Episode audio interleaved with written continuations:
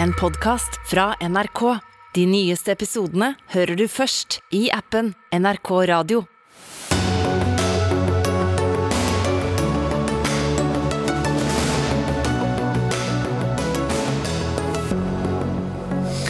Det er landets to største byer, men hvor godt liker Oslo og Bergen hverandre sånn egentlig? Kanskje ikke så veldig, kan det se ut som. Det blir byoppgjør i Dagsnytt 18. Bøndene har fått tidenes høyeste tilbud i årets jordbruksoppgjør. Men hvor skal regjeringen hente pengene fra? Det lurer Høyre på.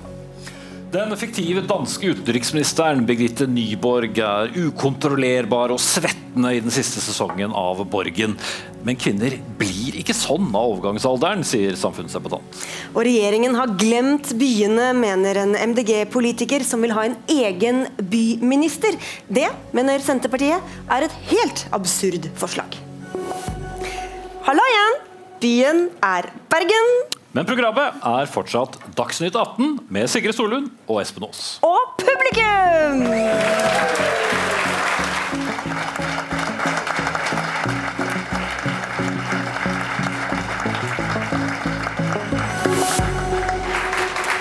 Ja, Bergen, byen vi nå da står i, er eh, som kjent verken hovedstad eller Norges største by.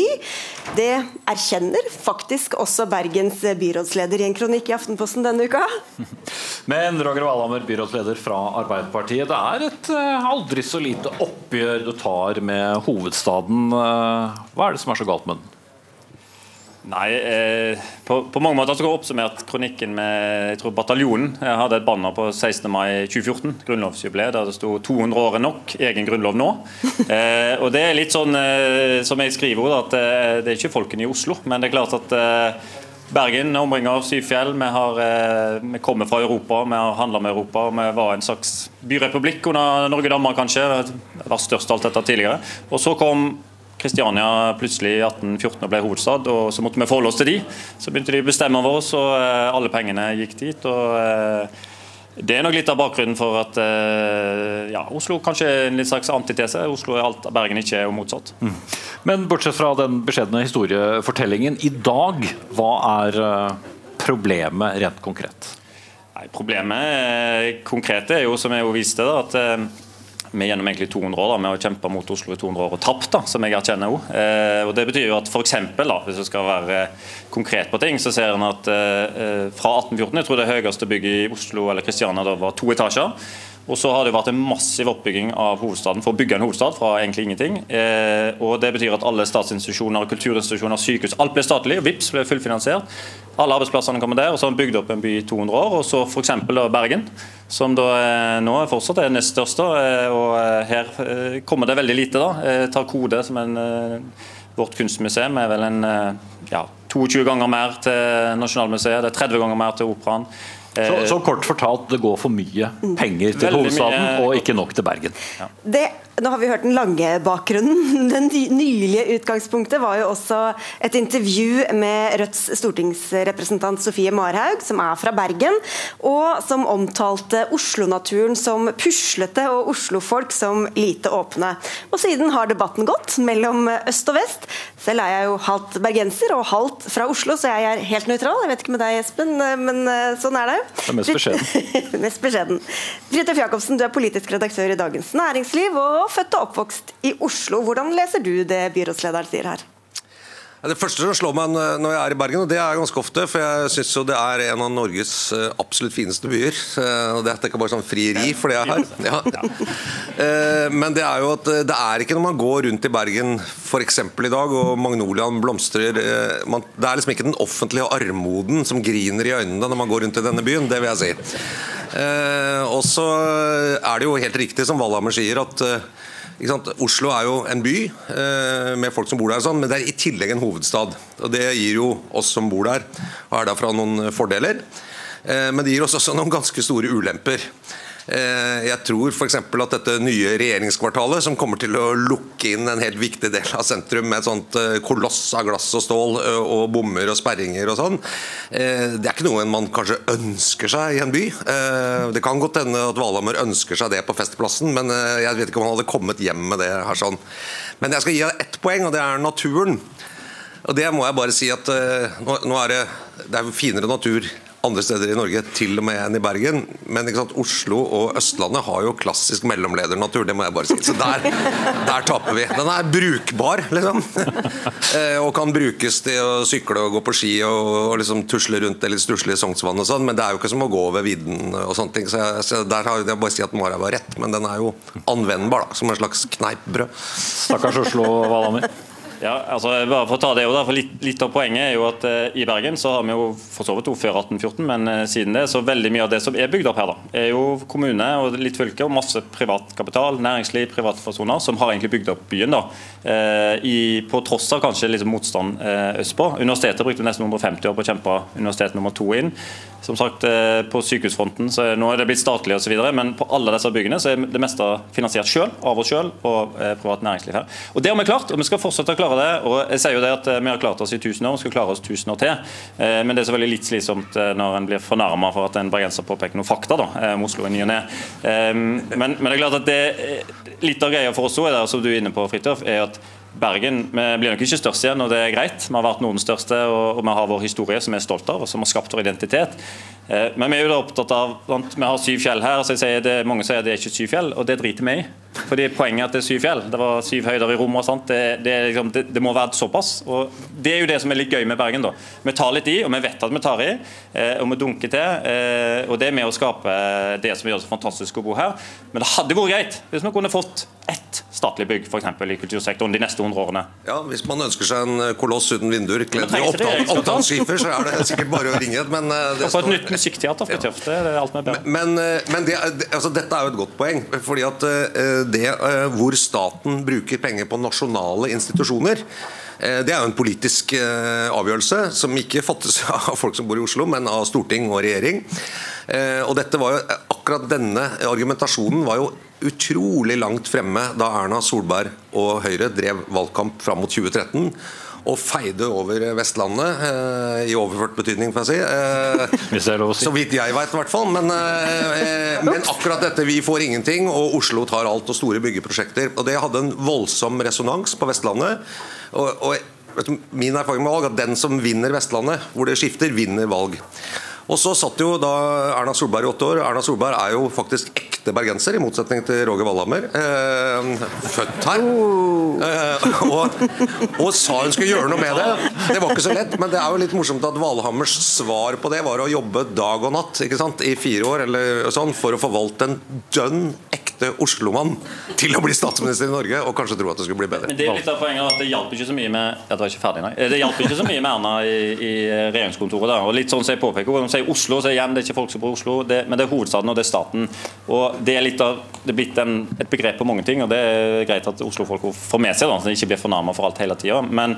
Eh, det hjelper ikke nødvendigvis alltid å få en bergenser over der, eh, fordi at eh, regjeringen har en tendens til å ja, følge det som de har gjort i 200 år. og Jeg skrev om ett eksempel når de prøvde å endre Skansen her eh, og Salutten eh, etter 100 år. og Da ble det jo selvfølgelig et rabalder her. og Forsvarsministeren måtte jo snu samme kveld, selvsagt, for da gjorde vi oss klar til kamp. Eller Bane Nor så prøvde å endre navnet på jernbanestasjonen, fordi at alle stasjoner i Norge må ha navn og så stasjon. Så satte de opp et skilt som sto Bergen stasjon, og da selvfølgelig raste hele bystyret for Rødt og Frp. Ordføreren gikk front, vi fikk ned det skiltet. Men, men, men, litt, litt av poenget da, at Vi har vært en byrepublikk for oss sjøl, vi har bestemt sjøl, vi har klart oss sjøl, vi har brukt våre egne penger og bygd det. Og det har vi fortsatt å måtte gjøre i 200 år etter at Kristiania og Oslo ble hovedstad og det ble en eh, enhetsstyre, eh, eller i, eh, styrt av Oslo.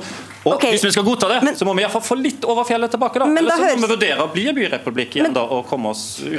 Men Det høres ut som de er friere, egentlig, da, når de slipper alt dette hovedstadskravene og kjas og mas. Fridtjof ja, altså, Dagens Næringsliv er jo veldig opptatt av både privat initiativ og privatkapital. Dette kulturhuset, f.eks., som antageligvis er det flotteste moderne kulturhuset jeg har sett i, i Norge, i hvert fall, ganske nytt, er jo finansiert med private penger. Og beriker og utvider jo liksom et, et allerede utrolig levende og bra bysentrum som man har, som Oslo kan være misunnelig på. Bergensere bruker jo sitt bysentrum på en helt annen måte enn en Oslo-folk. Men, men, det er altså den fornærmetheten jeg, jeg har ikke oppfattet at så mange er så fornærmet. Det høres egentlig ut som du er litt mer fornærmet enn det mange i Oslo er eh, på tilstanden. Men, men det der, det hoved, altså, kanskje det der hovedstadsbegrepet, at alt skal ligge i en hovedstad, for sånn må det være. Det, det var jo en historisk begrunnelse for det den tiden kommunikasjonen som var dårligere. Jeg tror det går an å kanskje tenke nytt på det. og jeg tror at den tanken om å legge nasjonale institusjoner ut av hovedstaden, det tror jeg kanskje kan være en god plan. Er det kompleks?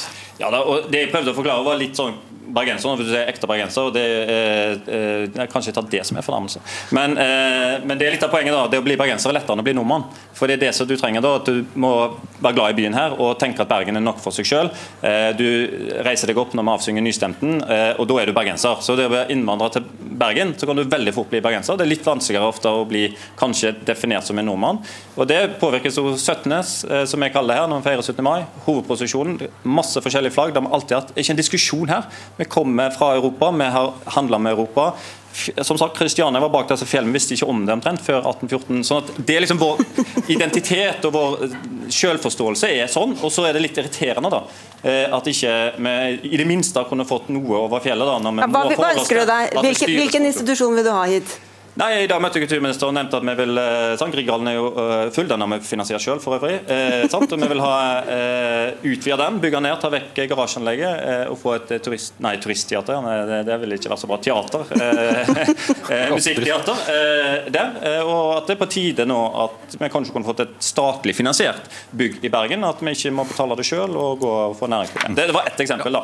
Eksempel. Det kan kanskje du kan støtte meg til slutt? Da. Dere har jo en dugelig flyplass som er ganske ny. Da. Det kan du jo si. Bare, men det teller kanskje ikke. Men det, det er jo en veldig flott flyplass. Ja, da, har. Det er ikke det at ikke staten er her, da. men det at vi har Håkonsvern, må dere huske på. da eh, Hvis vi plutselig finner på at vi vil bli en republikk. Get a room, er det det man sier? Roger Valhammer, byrådsleder i Bergen fra Arbeiderpartiet. Fridtjof Jacobsen, eh, politisk redaktør fra Dagens Næringsliv. Og hvis dere lurer på den oppskriften om hvordan du blir ekte bergenser, så skal vi prøve å legge ut den på våre nettsider etterpå.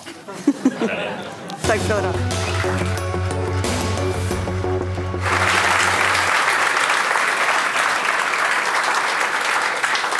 Så til dagens eh, store sak, må vi vel kunne si. I dag kom nemlig staten med et historisk høyt tilbud til eh, bøndene i landbruksoppgjøret.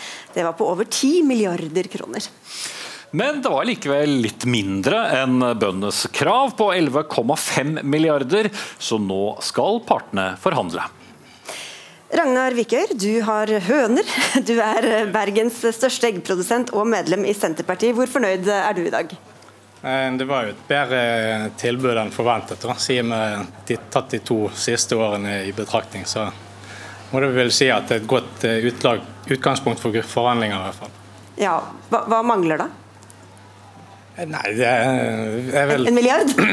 Det er jo det som mangler i forhold til kravet. da. Men det er vel full utslag for etterslep over flere år. da. Men det er jo grunnlag for forhandlinger i hvert fall. og det blir jo tekniske duppeditter som de får ta seg av. Men er det, mange vil jo si, Nå har dere fått et tilbud som da er vel fem ganger så høyt som det høyeste tilbudet dere har fått noen gang i historien. Hvorfor ikke bare si tusen takk og takk for i år? Nei, vi må jo forhandle. Det er viktig å forhandle når vi først eh, har det sånn. Så det Men det er i hvert fall godt, eh, godt utgangspunkt. Da. Men fortell fra din hverdag eh, hva det får å si om det er to milliarder eller ti milliarder i jordbruksoppgjøret?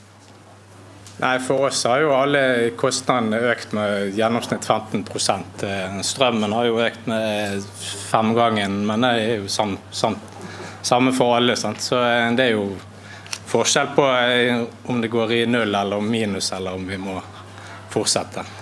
Du er jo også, eh, som vi nevnte innledningsvis, medlem av, eh, av Senterpartiet, som eh, både har landbruksminister og finansminister og enda noen statsrådposter, selvsagt. Hvor viktig er det for det partiet du er medlem av, å komme godt ut av dette landbruksoppgjøret? For du har selv eh, i forkant av dette truet med å sette et solid lass med hønsemøkk foran Stortinget, hvis ikke det blir noe greie på?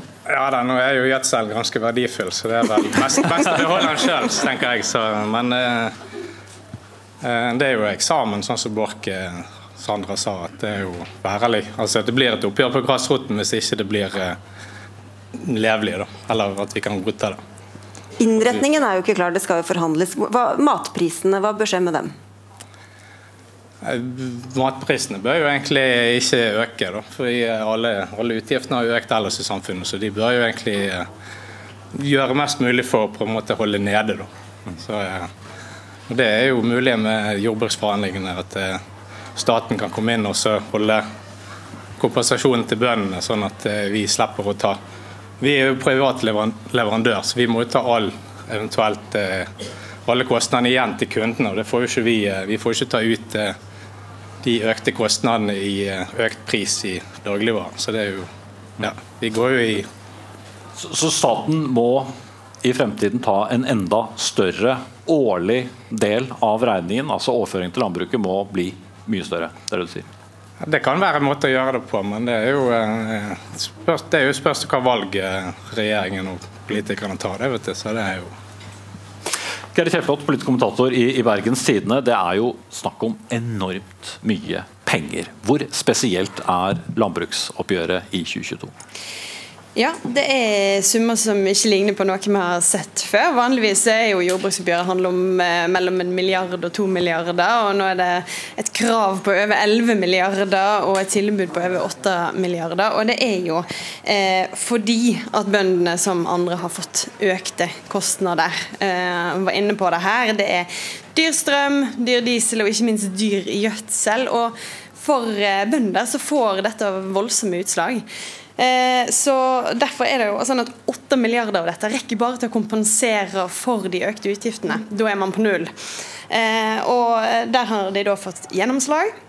Så kampen nå står jo om å tette dette inntektsgapet som bøndene har fått fordi de har hengt etter på lønnsvekst gjennom mange år. Hva, hva kan skje nå da når de går i forhandlinger? Hva er det de forhandler om? Det blir jo egentlig da om en kan, eh, kan eh, ta inn mer av dette inntektsgapet, som er det bøndene ønsker, at det, skal tas inn raskere. Eh, men det er klart at regjeringen kan jo fort føle at de har strekt seg ganske langt her. Og en kan jo tenke at de kanskje, ved å gi et såpass raust tilbud, så har de kanskje tatt litt brodden av resten av kravet. At en sier at OK, en, nå får dere dette, og så må en, eh, dekker dette inntektsgapet inn over lengre tid, f.eks. Men så skal det vel også prioriteres mellom ulike typer bønder, eh, ulik, ulik type drift osv.?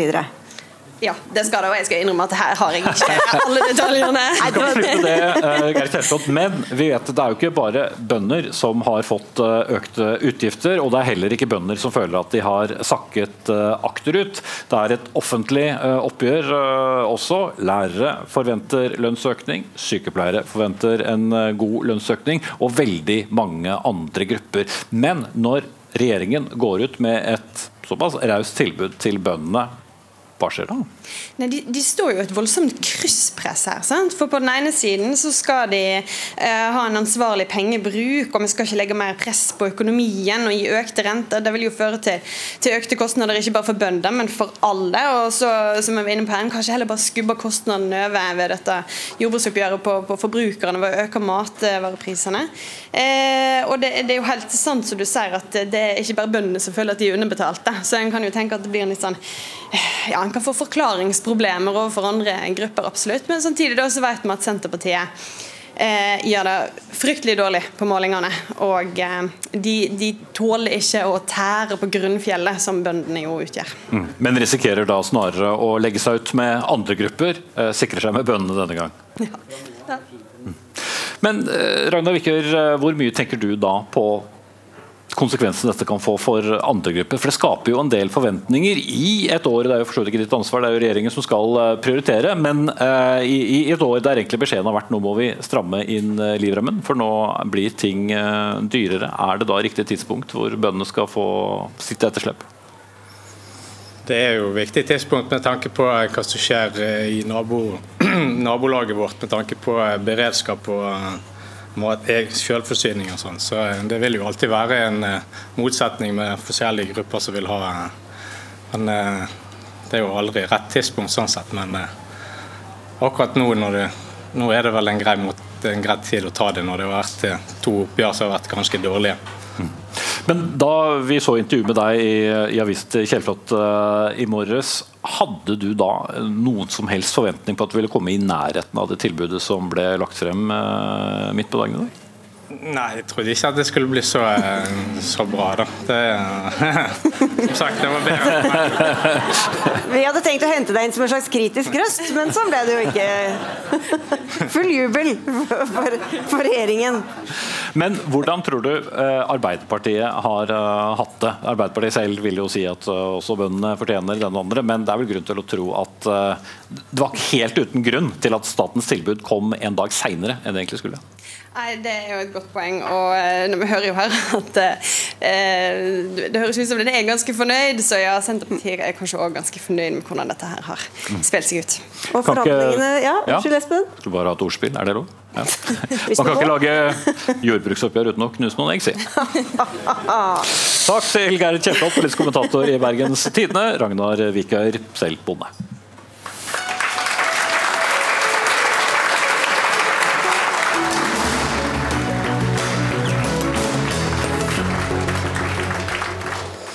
Hun eh, mister besinnelsen, hun skriker og kjefter på ansatte. Hun får, og hun ris da av hetetokter, skifter skjorter og føner seg under armene. I den nyeste sesongen av den danske politiske dramaserien Borgen har toppolitiker Birgitte Nyborg kommet i overgangsalderen, noe som preger både henne og handlingen. Mange anmeldere har trukket frem dette poenget, men blir det for mye og for overdrevet? Du skriver på Facebook og på Oslo-debatten at Borgen gjør skam på en normal fase i en kvinnes liv, samfunnsdebattant Monica Chango. Hvordan gjør serien det, mener du? Nei, altså Det undrer meg hvordan manusforfatter Adam Prise eh, i 2022 har valgt å fremstille Birgitte Nyborg som en ropende svettende kvinne som ikke har kontroll verken på kroppssikkerhet eller følelser. Og Du har jo selv laget dokumentarer og skrevet bøker, og du er opptatt av historiefortelling. Hva slags inntrykk mener du denne serien etterlater av nettopp da kvinner i overgangsalderen? Jeg har sett på, på åtte, alle åtte episodene, og jeg klarer ikke å se hvordan Adam Prise i én en eneste episode lar Birgitte oppføre seg normalt. Hun løper fra møter uten forklaring. Hun tar gode, dype sniff inn i armhulene før hun, hun skal i noen andre møter. Hun eh, blir i rette irettesatt av juniorrådgivere. Eh, hvorpå hun repliserer at dere får si fra til meg dersom jeg eksploderer, mens hun da viser eksplosjonsbevegelser med hendene. Og gjennom åtte episoder så sies det ca. 30 ganger med at uh, du trenger en rådgiver, du Birgitte. Og det er klart det at uh, kvinne 52 trenger absolutt rådgiver på 29, og helst en mann, til å forklare henne hvordan uh, verden ser ut. Du, eh, Hege Ulstein, du er kommentator i Dagsavisen og manusforfatter bl.a.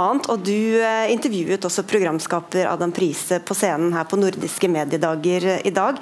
Hva syns du om måten Nyborgs overgangsalder blir fremstilt på?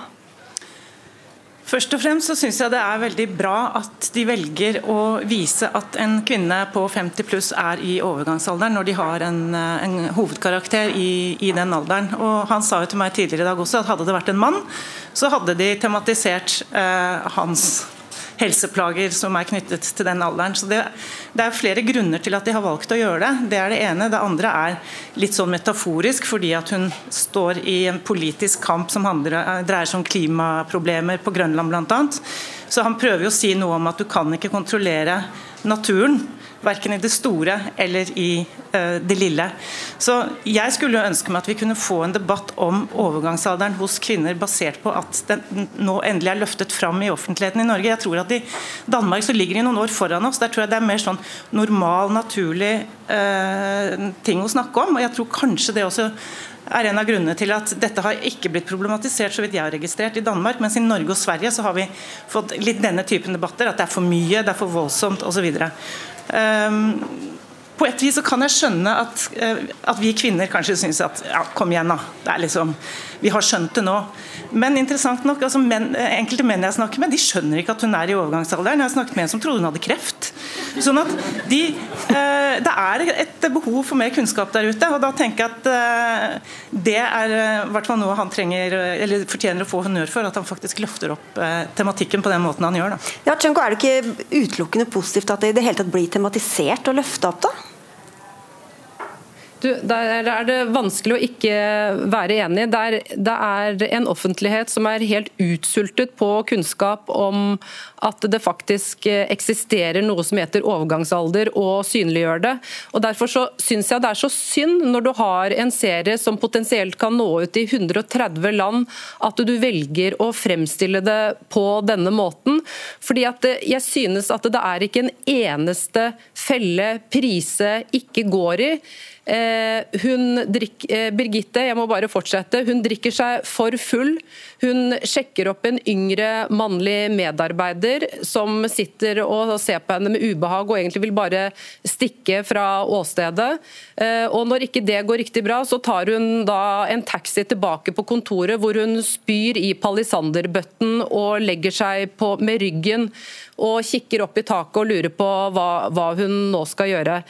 Um, jeg også lurte en lang periode på om, eh, på om, det skulle komme en eller annen løsning, eller en eller annen slags forløsning, men det gjorde jo ikke det. Og jeg opplevde jo at istedenfor at vi kunne få noen kvalifiserte svar som handler om at det finnes faktisk god behandling for kvinner som er i overgangsalderen, og ikke engang der, altså i, i episode nummer tre hvor Birgitte er hos legen, så responderer legen bare med at Eh, nei, vi skal bare la kroppen gå sin naturlige gang. Og så er ikke det Han bruker ikke muligheten til å informere offentligheten om at det finnes gode, eh, kvalifiserte metoder eh, som kvinner kan benytte seg av for å få det mye bedre, og ikke gå fra vettet hver gang og stå og føne seg under armene. Okay. Ta, ta, ta jeg skulle virkelig ja. ja. Heggelstein. Ja, altså, ja, det, det, er vel den eneste scenen i sesongen også hvor ordet overgangsalder blir brukt. så Der har de jo vært bevisste på at de, de er jo veldig på show, don't tell. Men det som jeg syns er veldig interessant med den scenen Vi vet at Ca. en tredjedel av eh, kvinner i overgangsalderen får lite plager. Ca. en tredjedel får moderate plager, og så er det en tredjedel som får veldig mye plager. Og som, som Monica helt riktig sier, uh, vil ha stor hjelp av bland, hormonbehandling, plaster, piller, den type ting. Som vi absolutt bør opplyse mer om. Og som er mindre farlig enn man trodde bare for noen år siden når det gjelder å utvikle kreft. Men det legen sier i den scenen til Birgitte, som er helt grunnleggende både som et dramaturgisk premiss, men også som er dessverre virkeligheten for altfor mange kvinner. Hun sier Birgitte, du har hatt brystkreft. Du kan ikke bruke disse preparatene. Og det er helt sant. Altså Hvis du går på hjemmesidene til Norsk gynekologforening, så står det der at har du hatt brystkreft, og det er det mange som har hatt når de kommer i den alderen, så kan de ikke bruke disse preparatene. Og Det finnes andre eksempler også på at man er utelukket fra å gjøre det. Og det at han da viser fram at da er det Sånn, altså noen kvinner må leve med disse tingene, for de har ikke noe alternativ. og det synes jeg også Sånn som jeg tolker det, så syns jeg det er prisverdig at han løfter fram budskapet på den måten. Jeg har ikke noe lyst til å dypdykke i den medisinske materien, for den er såpass omfattende, men det tar jeg gjerne ved neste korsvei. Men, men eh, jeg må si at det fremdeles bekymrer meg at en eh, kvinne som Birgitte fremstilles som hun gjør. fordi at Jeg skulle ha, jeg har til gode å se for, la oss si f.eks. Bobby Axelrod i Billions blir framstilt på en like hysterisk måte. De er omtrent jevngamle. Eh, og Bobby Axelrod blir framstilt som en machomann med med, eh, som oppfører seg som et troll, men som overhodet ikke blir skammet på en, på en tilsvarende måte. Så dette er en rett som Adam Prise tar seg, fordi han har med en kvinne 50 pluss å gjøre. Ja, Det er lett å lese det som si at jeg syns er litt skuffende. ja, Heggelstein, at middelaldrende kvinner de har ikke kontroll. Ja, nå synes jeg, I den grad vi kan kalle oss middelaldrende, vi tre som fører denne debatten, så syns jeg vi har ganske god kontroll alle sammen. Men, eh, men eh, altså jeg skjønner at den kritikken kommer, og det er, det er fullt mulig å se serien på, på, den måten. Jeg gjør ikke det. Jeg opplever ikke at det er så overdrevet som, eh, som Monica opplever at det er. Og så tror jeg en del av de andre valgene som er gjort når det gjelder f.eks. at hun ikke vil ha spinndoktor, det henger jo sammen med det som skjedde i de tre forutgående sesongene. Det blir litt omfattende å gå inn i akkurat den diskusjonen. Men veldig mye av premisset for hele sesong fire av Borgen handler om en maktpolitiker som velger og prøver å beholde kontrollen i en situasjon hvor hun egentlig ikke har kontroll, og beholde makten og gi slipp på seg selv. Og Det er en mørk fortelling. Jeg mener ikke at den er kvinnefiendtlig. Jeg mener at Hvis den hadde handlet om en mann, så hadde den vært akkurat like eh, mørk og interessant, men den hadde ikke vært mannefiendtlig for det. Ok, um, Monica Sjango, helt til slutt her. Du sier at du, du, Vi hørte Hege Ulstein sa at Danmark lå foran, men du sier tvert imot at du tror at Danmark ligger bak på dette området? Ja, altså Hvis vi går inn i episode åtte, da skal det være en debatt. og Hennes tidligere rådgiver Katrine Fønsmark hun stresser vanvittig foran denne anledningen. og For de som ikke har sett eh, alt, så kommer det spoilere nå. Eh, og da er det en ting Birgitte sier til henne at det er ti år til du kommer i overgangsalderen, men eh, for oss som har sett også siste sesong av Borgen, så vet vi at Fønsmark klarer ikke å stå løpet igjennom i jobben sin. Og Det er også et eksempel nummer to på at kvinner dessverre ikke klarer jobben sin, okay, på samme måte som Adam Prise ikke syns at Birgitte Nyborg gjør det. Ok, to sekunder, Heggelstein. Men hennes store nemesis er jo en annen kvinne, så det er i hvert fall én sterk kvinne i Borgen. Det håper jeg vi kan være enige om helt til slutt. Da skal vi takke av dere Monica Sjango med oss fra et studio som så veldig kjent ut, og Hegge Ulstein her. Serien kan ses på dansk TV eller på Netflix. Akkurat nå er en stortingsrepresentant fra Senterpartiet og en stortingsrepresentant fra Høyre på full fart hit til studio i Bergen. De skal debattere det vi snakket om for litt siden, nemlig jordbruksoppgjøret.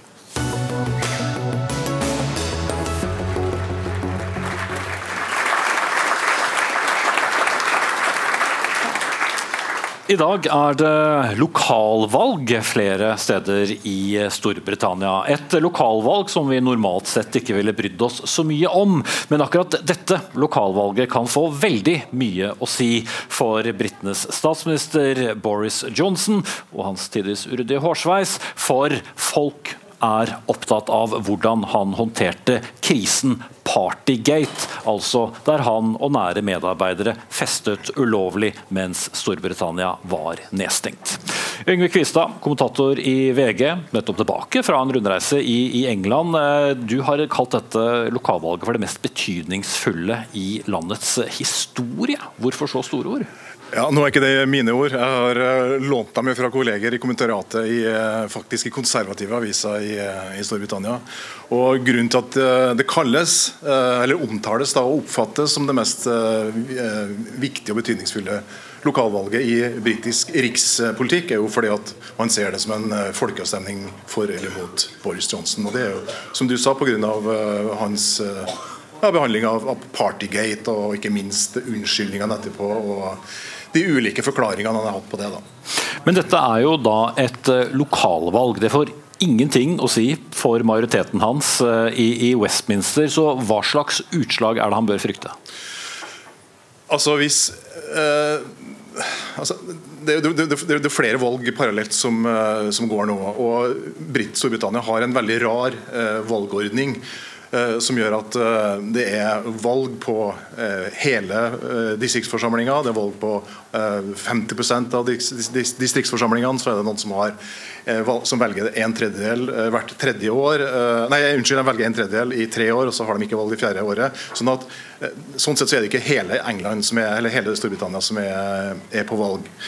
Men eh, de valgkretsene som er på valget, er viktige kretser for eh, Torypartiet. Det er tradisjonelt sterke eh, blå kretser. Det er bl.a. Wandsworth i, sør om London, som er da Margaret Thatchers eh, valgdistrikt, som nå står for fall. Det er flere andre, også i Somerset. Sånn at eh, det er, det, er, de tradisjonelle eh, Tory-distriktene, også i den såkalte sørlige blå veggen, som er ekstremt utsatt. og Det vil bety et, et, fall et stort prestisjefall for, eh, for for Torpartiet, og blir det nok tolka som da et signal fra folket inn til eh, til, til, partiet sentralt. Hva, mm. og, og, om at de da ikke har satt særlig pris på at statsministeren deres eh, ikke snakker sant og, og, har gjort ting han ikke skal. Men fortsatt har jo den samme statsministeren et solid flertall i parlamentet. og Det betyr at hvis noen skal kaste ham, så må hans egne hjelpe til. Ja, altså Det er ingen andre som kan kaste ham. Altså, det er den eneste muligheten for å kaste Boris uh, Ellers er det jo liksom ved, valg, da, naturligvis. Men, men, ellers er det bare hans egne. og Han har jo sagt selv at han ikke akter å gå av. Har, hvis det blir, Uansett hvor dårlig resultat det blir i lokalvalget, så har han sagt at han, han, han blir sittende.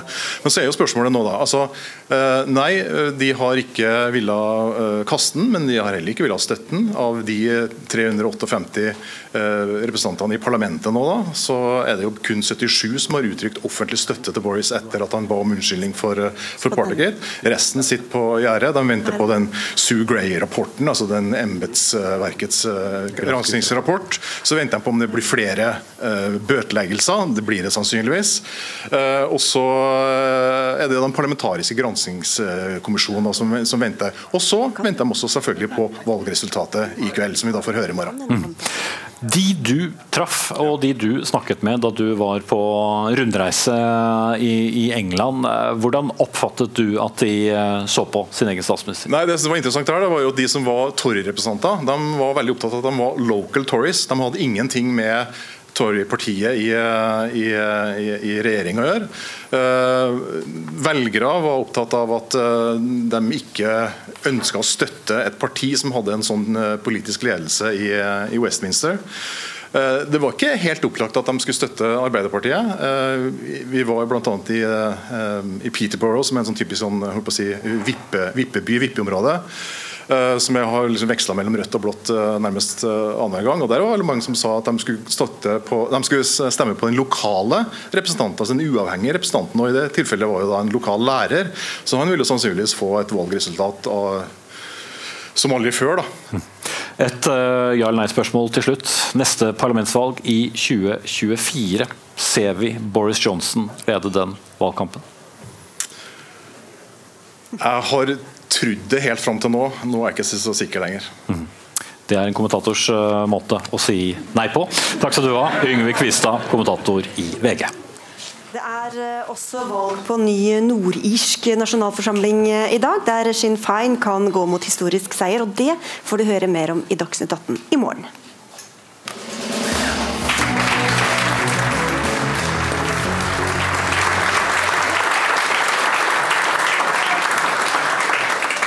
Nå spør vi om vi trenger en egen byminister.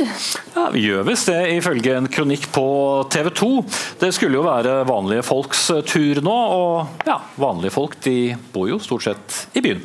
Men der blir de ignorert, skriver du i denne kronikken, Tor Håkon Bakke. Du er byråd for miljø, klima og byutvikling i Bergen og representerer Miljøpartiet De Grønne. Hvordan ignorerer regjeringen byene, syns du? Et av de fremste eksemplene er jo at det står i Hurdalsplattformen at tiden for overkjøring av lokaldemokrati den er over. Men allerede siden denne nye regjeringen gikk på, så har vi sett eksempel på eksempel på det. Bare i Oslo er at Vestkorridoren, eh, regjeringskvartalene, Ullevål sykehus, eh, fengsel på Bredtvet. Eh, Trondheim, campusområdet der. I Bergen så vil jo bokstavelig talt staten kjøre en firefelts motorvei gjennom et jordbrukssamfunn. Og noe av den beste matjorden vi har i landet, ligger jo i bynære områder og i byene.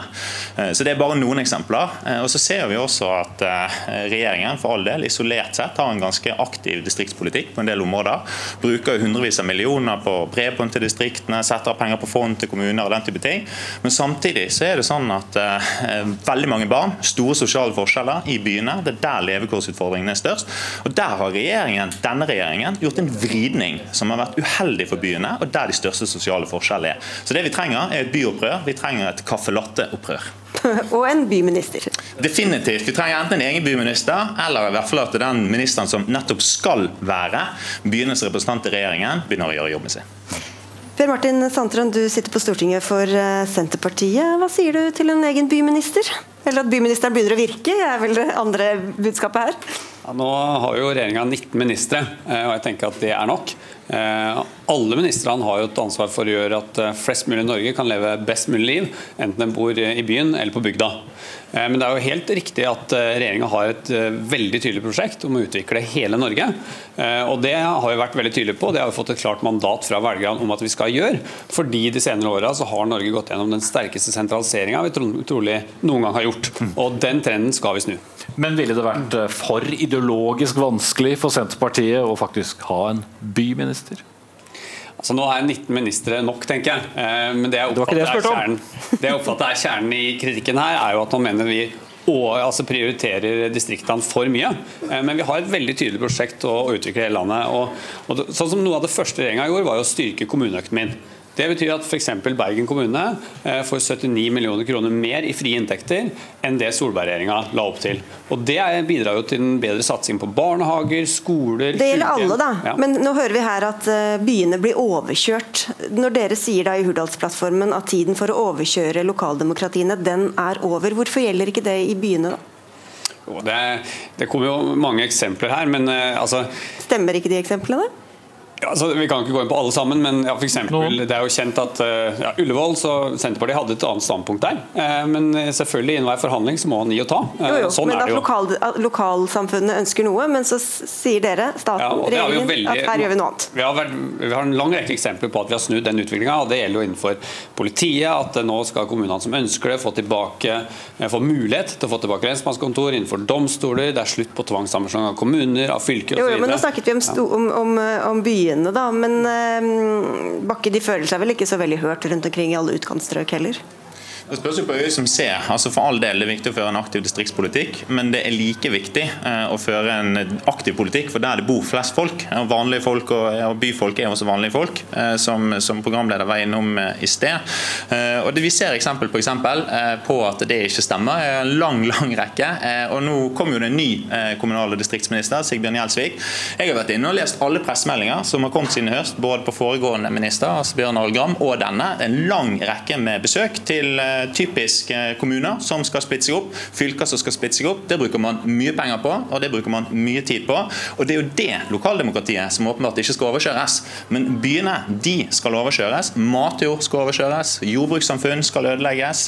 Det ser vi eksempel på. Eksempel på. Og så Samtidig er det nettopp sånn at de store sosiale forskjellene de byene, det trenger en omsorg. Og det er viktig. altså Det opprører litt at man ikke har mer aktiv politikk på den fronten. Og så er det selvfølgelig også mye på klimapolitikken. Ok, men altså Enhver minister eh, har jo da regjeringens plattform til grunn.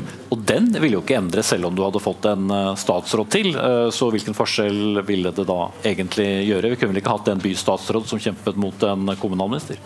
Nei, altså Det er jo interessant å tenke seg en egen eh, at byene bryter ut og blir byrepublikker eh, tilbake til den debatten. Så jeg tror det er noe Bergen. Sted, for all del.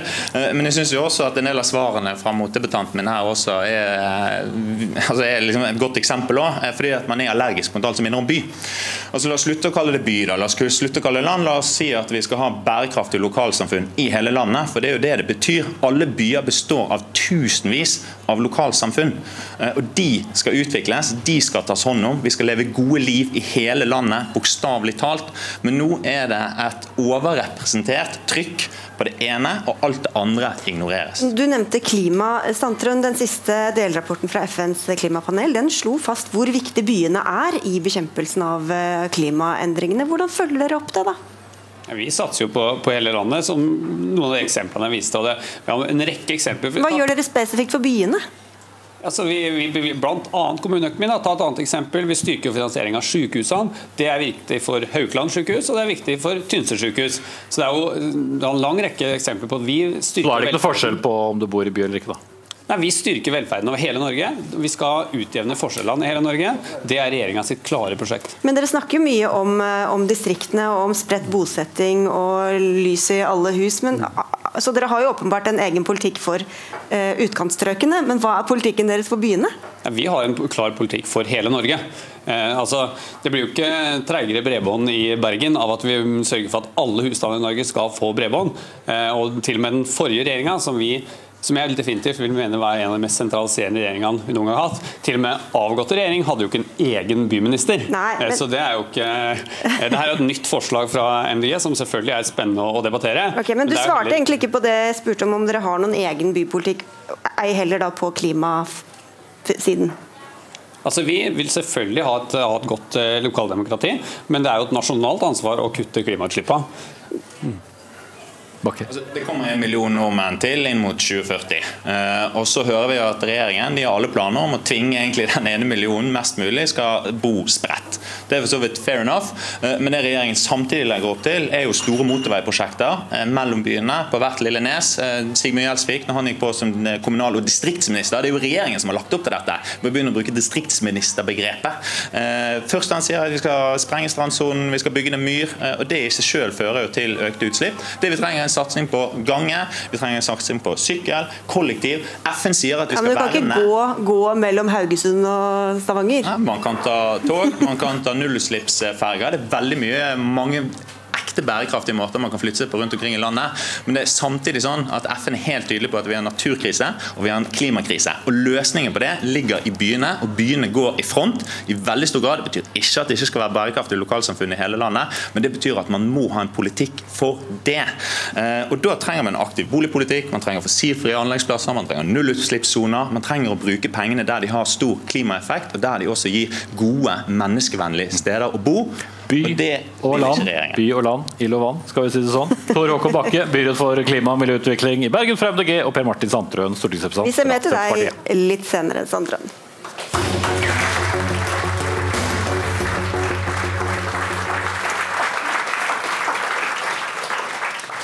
Alle med høye lån kunne puste lettet ut klokka ti i dag, da Norges Bank valgte å la renta stå uendret. Men allerede neste måned er det kanskje på tide å trekke pusten igjen. For da er det varslet at det mest sannsynlig kommer en eh, ny renteøkning. Flere skal det bli. Det store spørsmålet er vel egentlig hvor høyt styringsrenta og renta på boliglån, og for så vidt også innskudd, da skal nå. Katrine Wellesen Løken, professor i økonomi ved Norges handelshøyskole. Grunnen til at man øker rentene er jo særlig for å holde prisene i sjakk. Men hvor hardt slår det egentlig inn på folk? At man øker renta med et kvart prosentpoeng her, og så går det noen måneder, og så øker man den igjen? Får det virkelig noe å si? Eh, det det får mest å si for, er boliglånene våre. Vi, eh, det er jo sånn 350 gjeldsgrad nå for nye boliglån. Eh, så det vil helt klart slå inn der. for det. Når vi skal opp på et normal, normalnivå nå i løpet av 2023 på sånn 2,5-3 så vil boliglånet bli opp mot 4 Og Det er noe veldig få um, Eh, i hvert fall da nye låntakere har opplevd for det har vært lav rente nå veldig lenge. Vet vi om det er mange som har lånt for mye penger til å klare seg gjennom økte renter? Eh, opp til 4% skal nok mange klare, det kommer litt an på hvor mye eh, man bruker. Og, men, eh, men veldig mye. Det er nok mange som har Der er høy gjeldsgrad. Ehm, så det er, eh, det er, helt klart litt bekymring for de som eh, lever litt eh, på grensen. Men Hvilke andre konsekvenser får det da? Altså, Boliglånene blir dyre, vi må bruke mer av lønnen og andre penger hvis man har det, til å betjene boliglånene. Men kan det også få mer dramatiske konsekvenser? Hvordan tenkte du? Liksom? At man ikke klarer å betale andre regninger? Ja, helt klart. Så for så har vi sett en økning opp mot eh, bare de siste månedene på 50% økning i inkassokrav pga. strømregninger. Eh, så det er andre ting som, eh, som, også spiller inn her. Da. Så det er Økte priser nå, som vi har vært inne på allerede i sendingen, kan også slå inn samtidig her. Så, så, hvor strøm kanskje har vært den utgiften som mange eh, har slitt mest med. Eh, og I tillegg også økte bensinpriser er jo også debattert osv. Nå snakka vi om eh, jordbruksoppgjøret, vi skal snakke, diskutere det etterpå også. Det er andre lønnsoppgjør. Hva er, det, hva er det Norges Bank følger spesielt med på nå framover, da, når de bestemmer hvor fort renta skal opp? Så det, er, det, vil jo helt klart være eh, inflasjonen og prispresset. og eh, Jordbruksopprøret er nok ikke stort nok til å føre til inflasjon i seg selv, fordi jordbruket er såpass lite. Det er bare 0,2 av, av BNP. Men hvis det setter presedens nå for andre oppgjør, eh, og dermed får vi økt eh, eh, press i alle sektorer, så vil det kunne føre til høyere priser og, og mer inflasjon, og dermed en økt rentebane igjen. Mm. Så, så, mens mange nå egentlig går og håper på at de skal få et godt lønnsoppgjør, så sier du egentlig at det oppgjøret blir, bør ikke bli altfor godt, fordi det er et ris bak speilet og det heter enda høyere rente? Det er litt sånn økonomien fungerer, så hvis det blir høyere oppgjør, så blir det også høyere renter. Eh, helt klart. Og hvem er det som da vil slite mest? Eh, så det vil være ofte de som, eh, som ligger litt på marginen, har høyere, kanskje lånt litt mer enn de burde, eller også de 80% de som har minst, minst å rutte med. Mm. Så har eh, sentralbanken i eh, USA eh, hevet styringsrenten med et halvt prosentpoeng. Storbritannia har også økt sin, og nå er det på 1 som kanskje ikke høres ut så mye, men det er det høyeste Storbritannia har hatt siden 2009. Når så store økonomier tar det som åpenbart for dem er, er store grep, hva, hva får det å si for oss? Nei, det, det, Mest sannsynlig så følger vi Vi er en liten åpen økonomi, og da, da vil mye av dette påvirke oss også. Så, så, vi vil nok se veldig lignende økninger eh, også i Norge. og Det er det som er tegnene også fra Norges Bank nå, er at vi vil, vil, få økninger. og Vi vil også se, antageligvis i juni nå, så kommer det også økt rentebane og kanskje også raskere endringer enn det som bare var forespeilet eh, for veldig kort tid, tid siden. Mm. Det er bare å trekke pusten også. Vi kan også ta med at det har vært et bredt børsfall på Nasdaq, den teknologitunge Nasdaq-indeksen i USA bare nå i ettermiddag. og Selv om Oslo Børs åpnet med en sterk oppgang i dag, så kan det bli ganske spennende tider for både investorer og småsparere der i morgen. Takk skal du ha.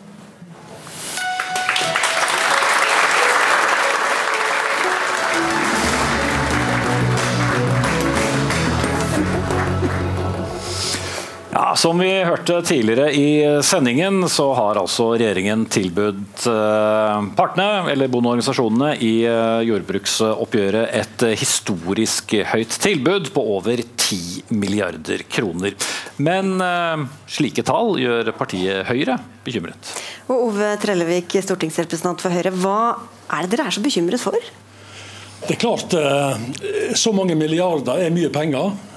Og det er klart vi er midt i et lønnsoppgjør. Alle ønsker å få kompensert for sine økte utgifter. Eh, nå får bøndene 100 kompensasjon for sine økte eh, strømutgifter. Eh, jeg og deg har ikke fått så mye.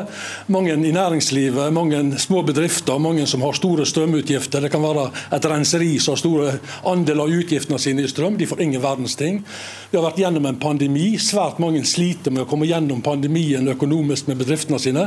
Dette kan få ringvirkninger for andre krav. Altså at, at mange skal få mer, altså fordi at man gir noe mye til bøndene, så skal mange andre også få? Ja, det, det, det er klart at det, dette vil jo smitte. Sant? Men hvor, hvor, da bruker du mer penger, da. Grensen, ja. Nå venter vi på revidert som kommer nå i midten på mai. Er dette et signal om at alle skal få det de peker på? Men hva mener du bøndene burde få, da? Bøndene, Vi tilbød bøndene å forhandle i fjor, men da ville de ikke forhandle. Hva mener du burde vært tilbudet fra staten nå? Jeg tenker Det at eh, det å kompensere fullt ut strømutgiftene, det kunne vi kanskje ha unngått og gjort, og gjort det på en annen måte. Og likestilt næringslivet litt mer enn at bare bøndene skulle få, og ingen andre næringsdrivende. Så 3 milliarder, 5 milliarder, 7 milliarder? Nei, det blir nok mer enn det. Men, eh, men det er vel 4,5 som ligger der i kompensasjon pga. kraftutgifter eller strøm. Men det kunne vi ha delt med flere enn bare bøndene. Per Martin eh, Sandtrøen inn igjen, stortingsrepresentant fra Senterpartiet. Mange ble overrasket over statens tilbud, som altså kom et døgn senere enn planlagt. Hvordan forsvarer du en så høy sum? Nå har eh, jordbruket stått overfor en helt eh, ekstraordinær stor kostnadsøkning. Det har jo alle. Jo, men det har ramma jordbruket veldig veldig hardt. Enten det er på drivstoff, på materialer, gjødsel osv. Så, videre. Eh, så jeg tror de fleste har fått med seg hvor kritisk situasjonen har vært. Eh, og så kan vi også stå overfor en internasjonal matvarekrise. Vi kan ikke være sikre på at vi kan kjøpe akkurat den maten vi trenger når vi trenger den. Det er urolige tider. Eh, og det er veldig viktig for regjeringa å styrke norsk matproduksjon, og det har vi kommet et tydelig tilbud om i dag. Hvor mye, hvor mye marginer mener du det er i jordbruket da, hvis ikke de skal få fullt kompensert? Det handler om å altså har, Det er jo et etterslep på lønnsutviklingen som vi har dekka tidligere deler av, og det er fortsatt et lite gap. Men, men eh, poenget her er at de får, de får veldig mye kompensert for eh, de kraftutgiftene de har, og de økte kostnadene som de har. Men det er svært mange andre bransjer i dette landet her også, som har fått økte kostnader og mindre marginer, og kanskje òg taper penger. De er galant oversett av denne regjeringen her. Men mener du det... at de burde få? Altså bøndene ja, burde, burde få, og andre burde få? Eller ja, vi har foreslått i Stortinget at vi skulle hatt en kompensasjonsordning til de minste bedriftene som sliter mest, og som på en måte har store utgifter knytta til strøm i sin bedrift. Det har blitt nedstemt av regjeringspartiene, men vi er jo veldig spent på hva som egentlig ligger i dette. Når de er så voldsomt rause her, er det flere som skal få sånne store eh, summer som dette? Eller hvem skal tilgodesees i revidert budsjett? Det er vi veldig spent på. Om dette er starten, eller om dette på en måte er slutten. Hvor kommer pengene fra, Sondre? Regjeringa har vært helt tydelig på at vi skal sørge for inndekning på det her i RNB. Eh, og da altså revidert nasjonalbudsjett? Ja, altså, da kommer jo inndekninga. Så jeg kan ikke gi detaljene på det her. Nei, men det betyr at det skal være inndekning i revidert nasjonalbudsjett. og Betyr det også da at noen får mindre, fordi at nå er det jordbrukets tur? Jeg kan ta ett eksempel. Eh, vår minister for forskning og høyere utdanning har jo pekt jo for kort stund siden på at det måtte kuttes i universitetsbygg. Det er ett eksempel på at det er en inndekning. Ehm, men eh, det er klart at jordbruket har stått overfor en helt ekstraordinær situasjon nå. og Det var helt nødvendig og det er helt nødvendig at staten kom med et godt tilbud eh, i jordbruksoppgjøret. Men tror du ikke at en del bedrifter også føler at de er i en helt ekstraordinær situasjon nå med veldig høye strømpriser? og hva, Hvordan skal det oppleves for dem når de ser at andre får, men ikke de? Jo, Det er mange som er i en vanskelig situasjon, det er det ingen som tviler om. Men det er jo litt spesielt her når jeg hører Høyres representant. altså Hvis vi ser tilbake til statsbudsjettet i høst, da. Hva sa Høyre da? Jo, man kritiserte at regjeringa halverte elavgifta i vintermånedene. Man ga nærmest et uttrykk for at det var sløsing. Og det var jo noe som rettet seg mot alle, ikke kun jordbruket. Poenget er at det var ikke, monner jo ikke hele tatt i forhold til den situasjonen som vi var i når strømprisen skjøt i været og var oppe i en 3-4 kroner kilowatten. Da hadde jo ikke den noe som helst å si for folk flest i det hele tatt. Mm. Men, men det er vanskelig å skjønne ja. Det vil jo prate med hverandre. Men, vi har jo sterkt... Vil du ha mer pengebruk eller mindre pengebruk? Vi må passe oss. Vi skal tilpasse pengebruken til den økonomiske situasjonen som vi ja, ja. Men hva betyr det? Poenget er at vi ønsker å opprettholde konkurransekraften til næringslivet vårt. Og så har vi selvfølgelig òg en ambisjon om å opprettholde kjøpekraften til innbyggerne. Dette er viktig. så mer til arbeidstakerne og bedriftene og mindre til bøndene? Poenget her er at noe, masse av de 11 milliardene her, 10-11 milliardene skal forbrukerne betale i butikken. Og Dette får en ringvirkning igjen på at det blir økt inflasjon. Altså Når dine matutgifter blir dyrere, så forlanger din fagforening mer i lønn. Og Dette, dette er en ond spiral for samfunnet. Mm. Hva sier du til eh, lærere og sykepleiere som også vil ha sitt historiske løft? Sier du allerede nå at beklager, vi måtte prioritere bøndene i år? Eh, jeg kan ikke gå inn i lønnsforhandlingene, men Du har sikkert en tanke om det, siden du skal være med og stemme for altså, vi, vi, har vært helt tydelige på at det var helt nødvendig å styrke jordbruket, og situasjonen har vært kritisk. Det, men skjønner du at det skaper en forventning av, eh, i også andre grupper? Ja, men jeg tenker at eh, Det at vi styrker matberedskapen i Norge, det er noe som alle har nytte av i Norge. Og det var helt nødvendig å ta det grepet her. Og Ofte når Høyre kritiserer, så er det jo for at de ikke prioriterer. Men her gjør du en veldig tydelig prioritering, da. Det skal bli veldig spennende å se eh, 12. mai hvor de har tenkt å ta den inndekningen.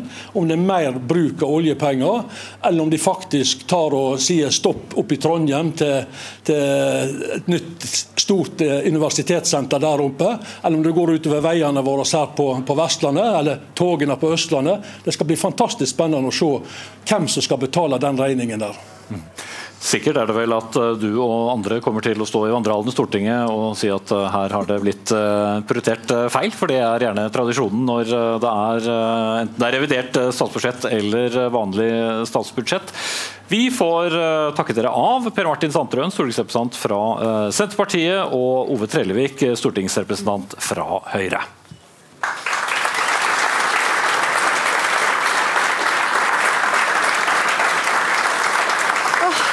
trist, Espen. det går mot slutten. Ja, Det var det jeg så, så jeg tenkte jeg fikk sende gjesten hjem, så vi får eh, ryddet opp eh, etter oss eh, her i Bergen. For sendingen her fra Kulturhuset den er straks ved veis ende.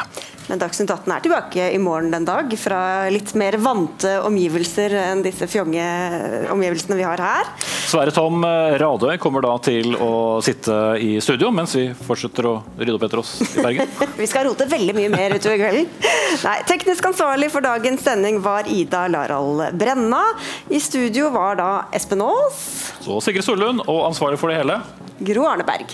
Og tusen takk til alle som kom og var med i sendinga. Det var virkelig supert. Og takk og dere til dere som så på hjemme eller hørte på hjemme. Vi er like glad i dere også.